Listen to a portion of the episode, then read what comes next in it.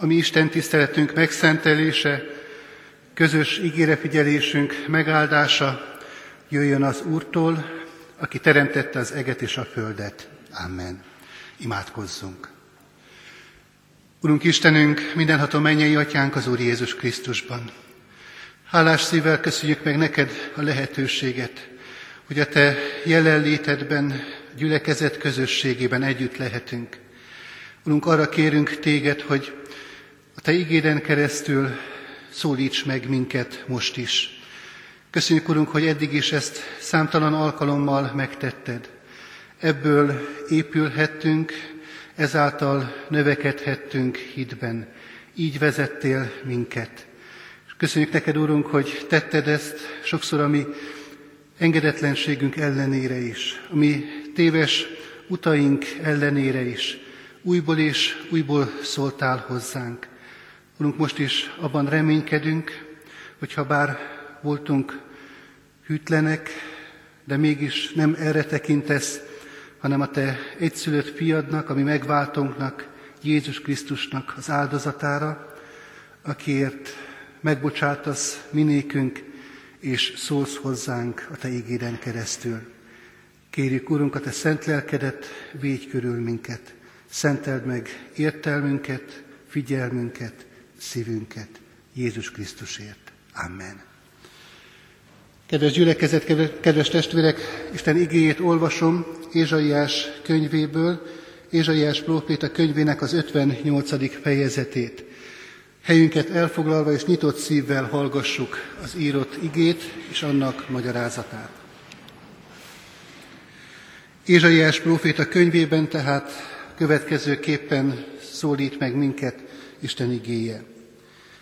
Kiálts, ne sajnáld a torkod, harsogjon hangod, mint a kürt.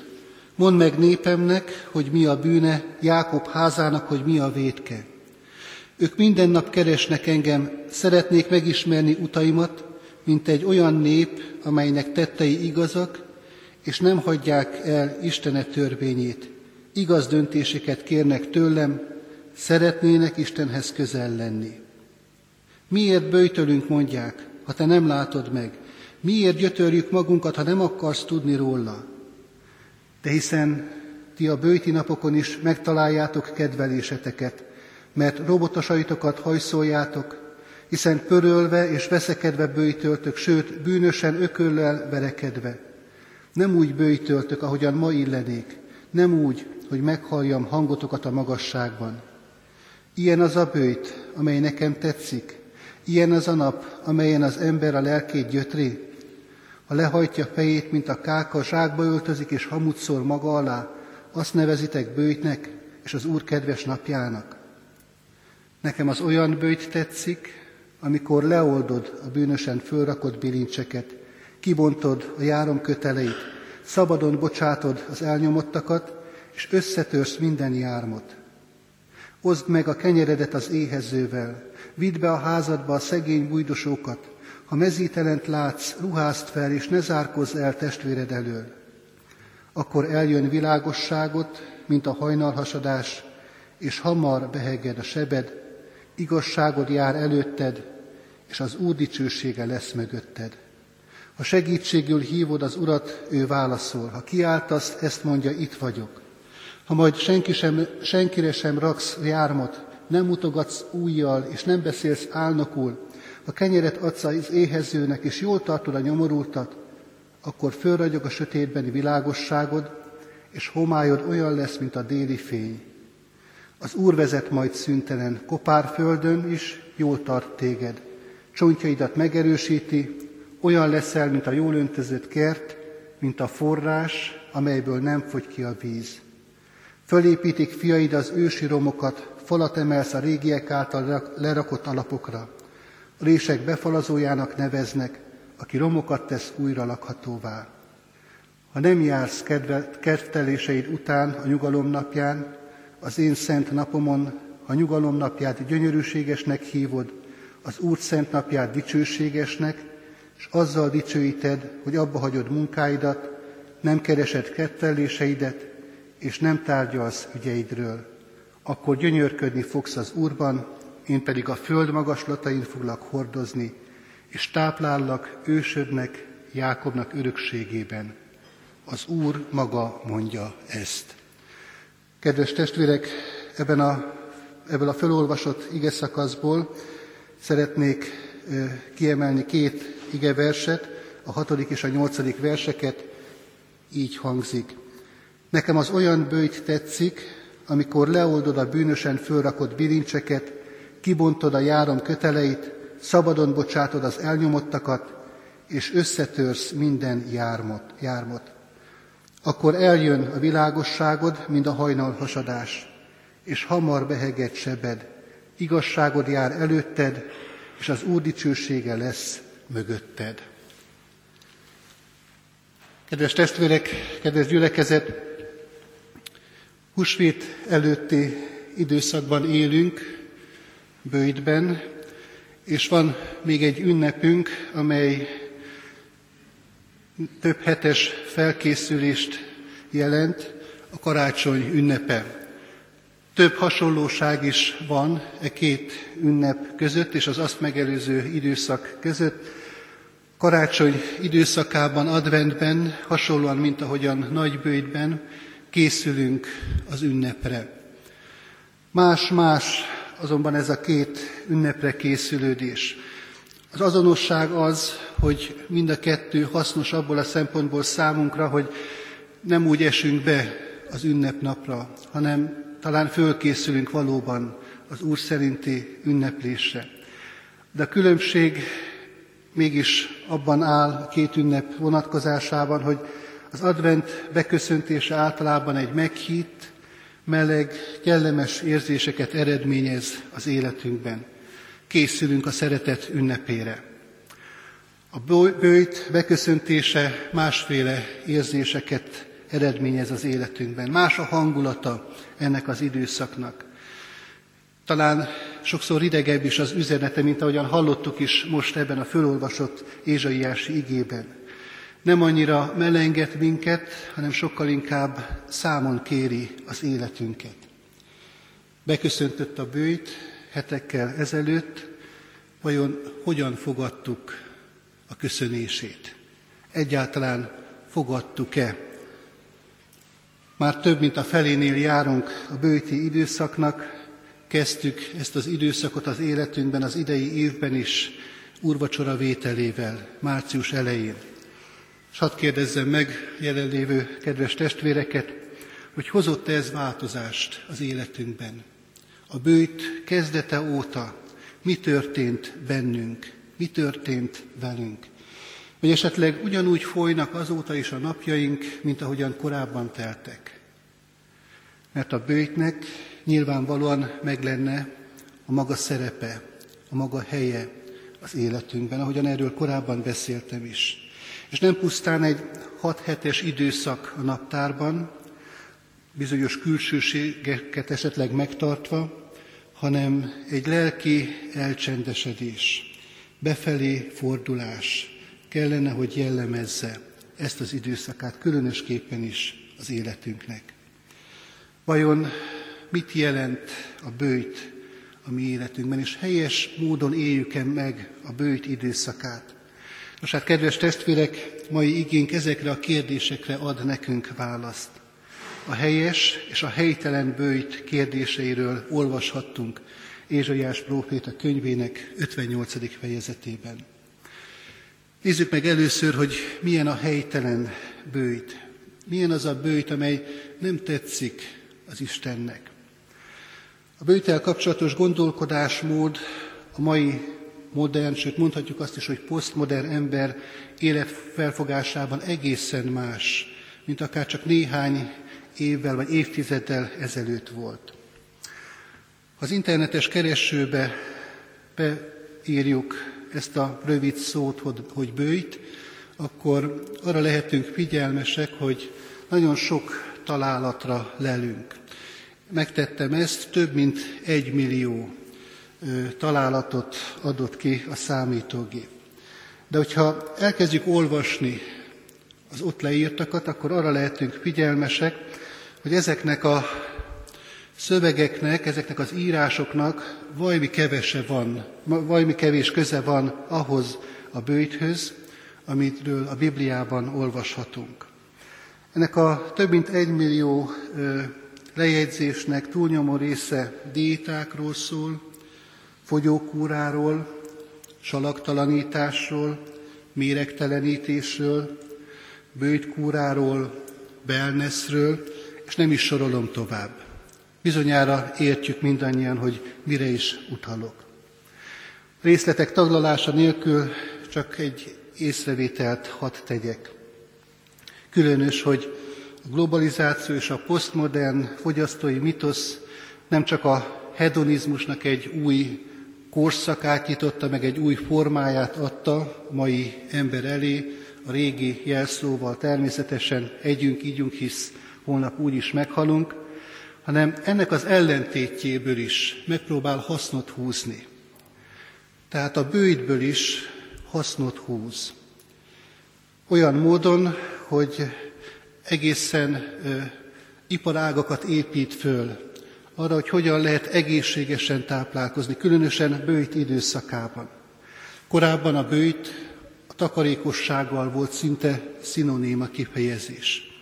És most, hogyha megpróbálunk a világ előírása szerint úgymond salaktalanítani, bőjtölni, egészséges életmódot folytatni, akkor ez bizony jóval drágább, mint a normál étkezés.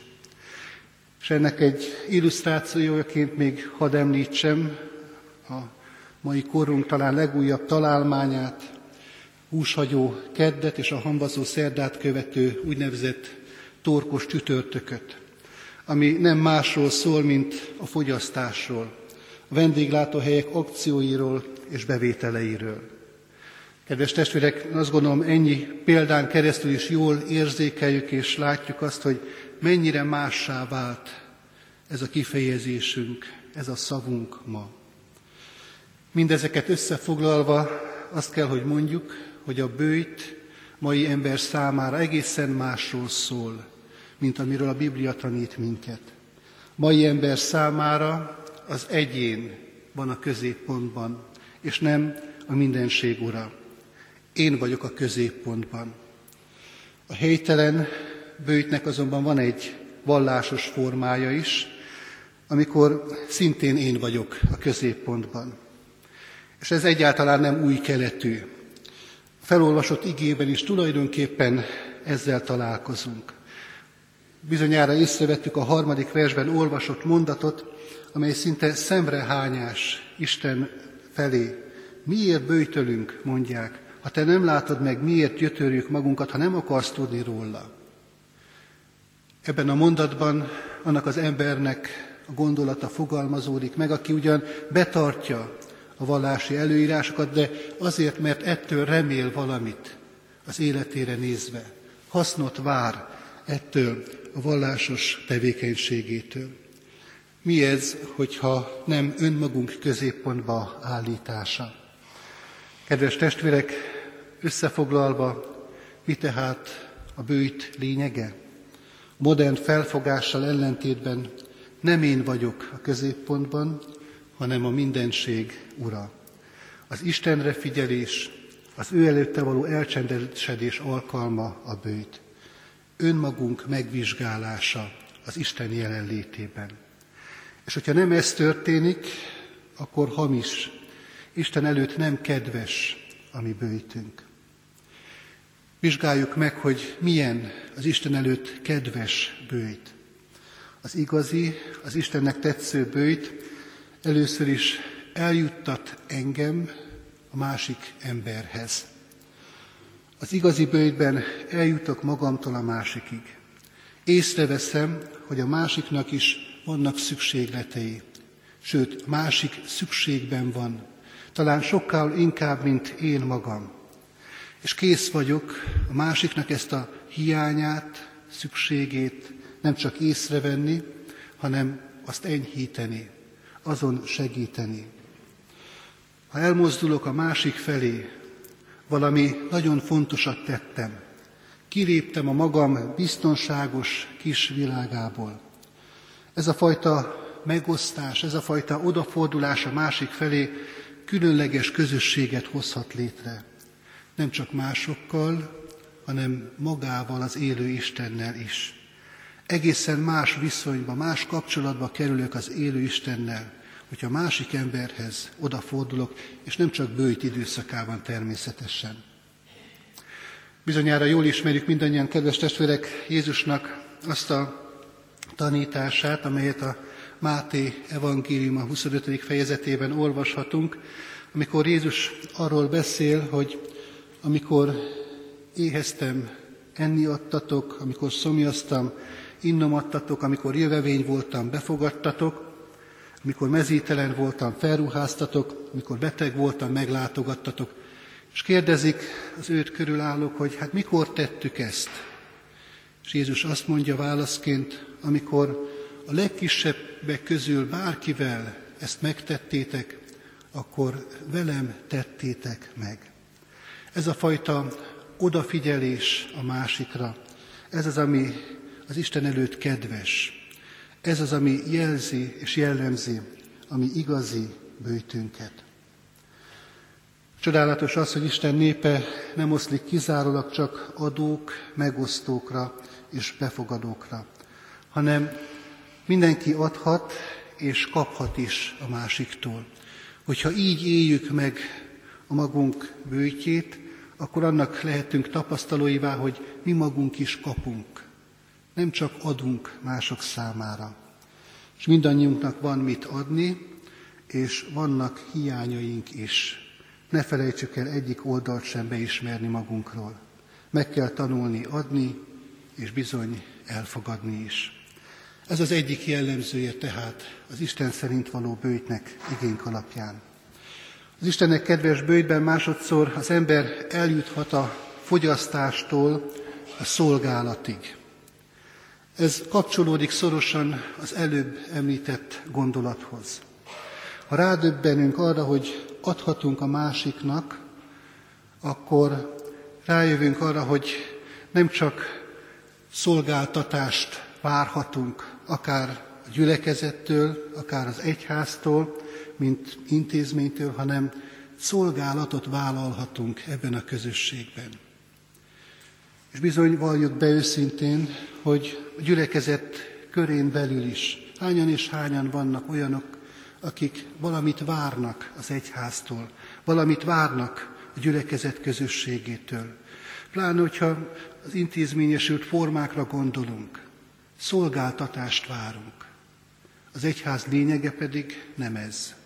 Nem szolgáltatást akar kínálni, hanem a szolgálatnak a lehetőségét szeretné szélesre tárni mindannyiunk előtt. Ez is hozzá tartozik az igazi bőjthöz. Amikor így viszonyulunk a magunk helyzetéhez, így viszonyulunk a magunk gyülekezeti helyzetéhez, így gondolunk a magunk gyülekezeti tagságára. Adja Isten, hogy meglássuk magunk helyét, magunk lehetőségét, a magunk karizmáját, magunk talentumát ilyen összefüggésben. Hogy ne szolgáltatást, hanem szolgálati lehetőséget keressünk a gyülekezet közösségében. Így válhat a gyülekezet valóban egy szeretett közösségé. És a harmadik jellemzője az Isten szerinti bőjtnek, hogy a bőjtben törés és oldás történik. Hallottuk a felolvasott igében, hogy az Isten szerinti bőjt mit is jelent. Arról olvastunk, hogy le kell oldani a bűnösen felrakott bilincseket, ki kell bontani a járom köteleit, össze kell törni minden jármat, szabadon kell bocsátani az elnyomottakat.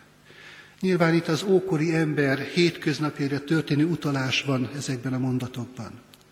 De bizonyára mindannyian értjük és érzékeljük azt, hogy miről is van itt szó.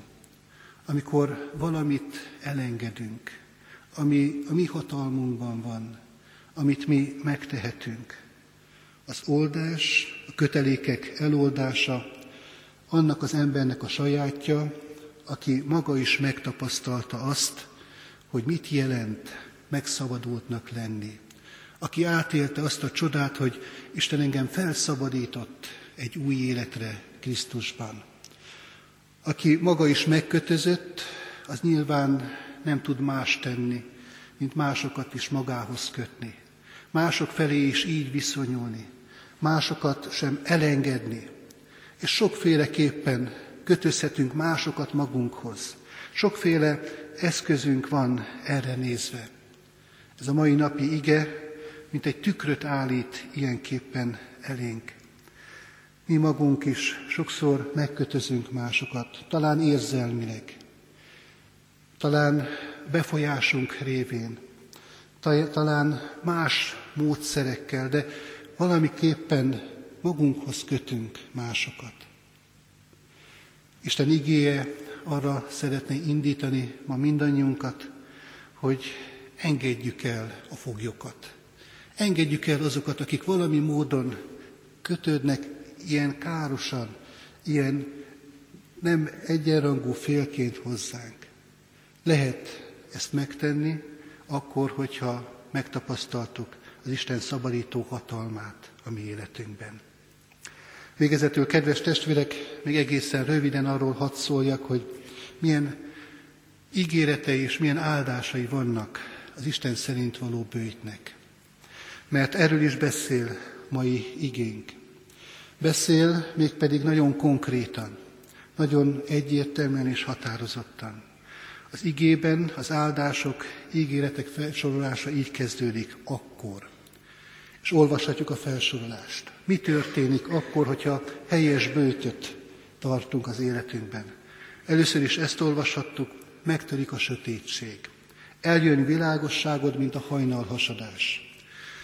Kedves testvérek, nem tudom, hogy a jelenlévők közül ki az, aki már átélte, látta, megcsodálta a hajnal hasadást. Amikor a sötétség után egyszer csak elkezd szép lassan világosodni. Amikor az ég alja elkezd színesedni.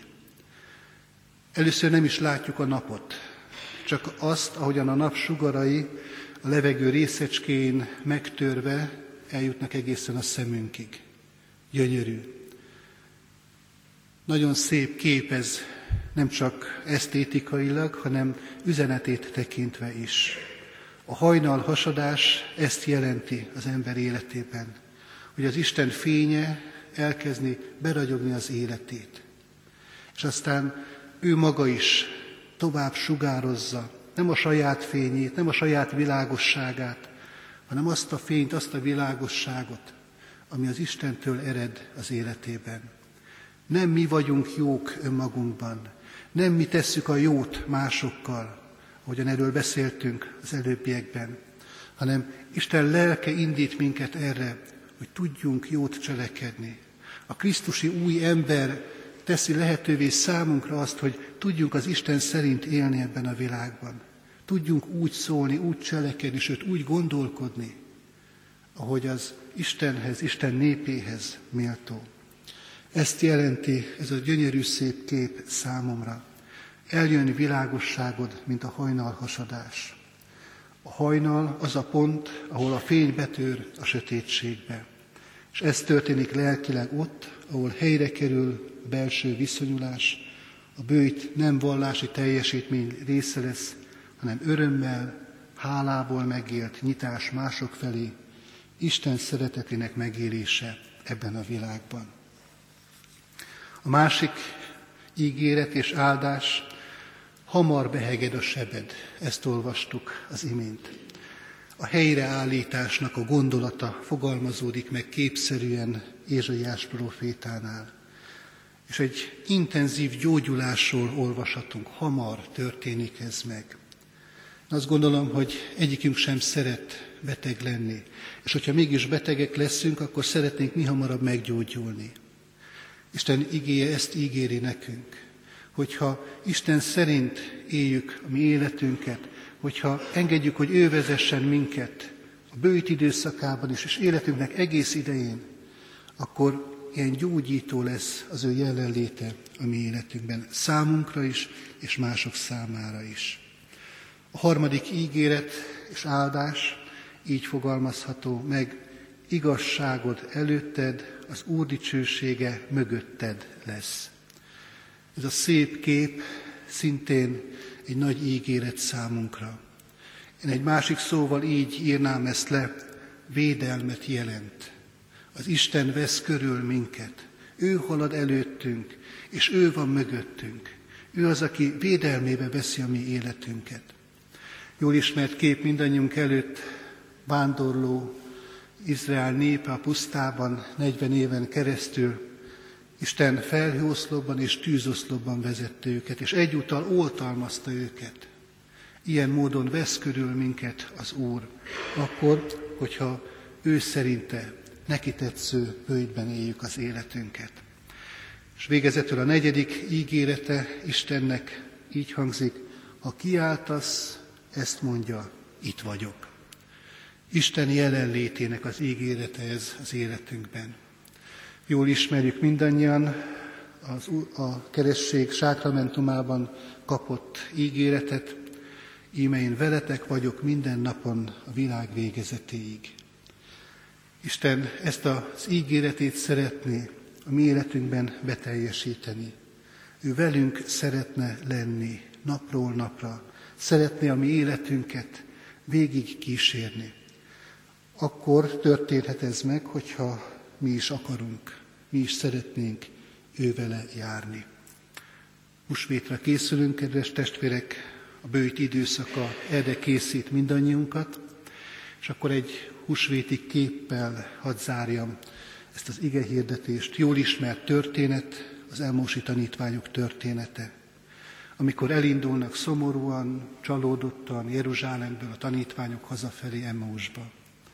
És valaki melléjük szegődik, kíséri őket az úton, velük megy együtt az útjukon. A feltámadott élő Krisztus. Ugyanígy szeretne a mi Urunk is velünk járni, velünk jönni, nem csak husvét után, hanem husvét előtt is. Adja Isten, hogy legyen ilyen bőti időszakunk, és bőtön túli időszakunk is mindannyiunknak. Amen. Gyertek, és ezért imádkozzunk.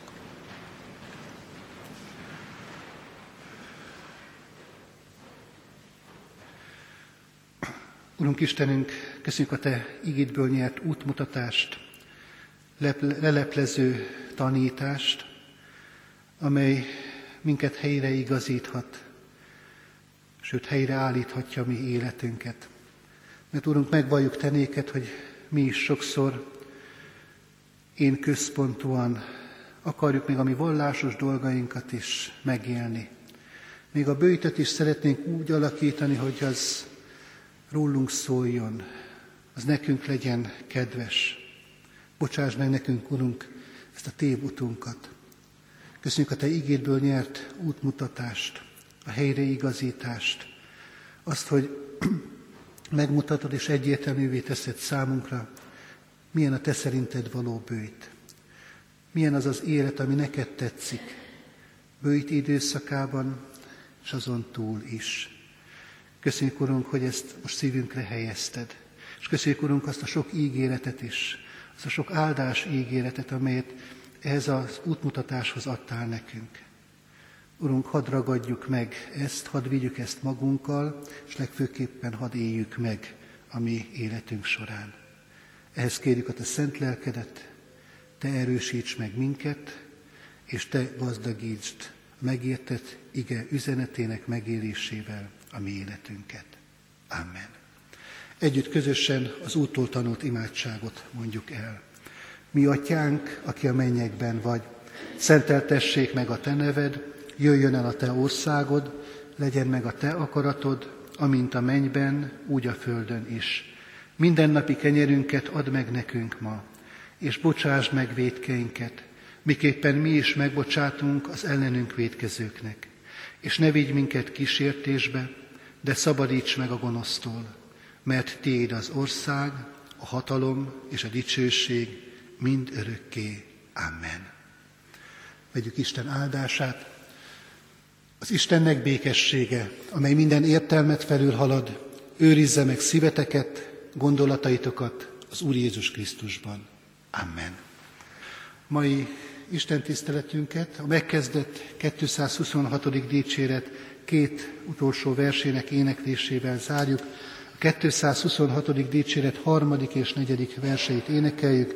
A harmadik vers így kezdődik, várlak Uram azért reménykedő szívvel. Thank you.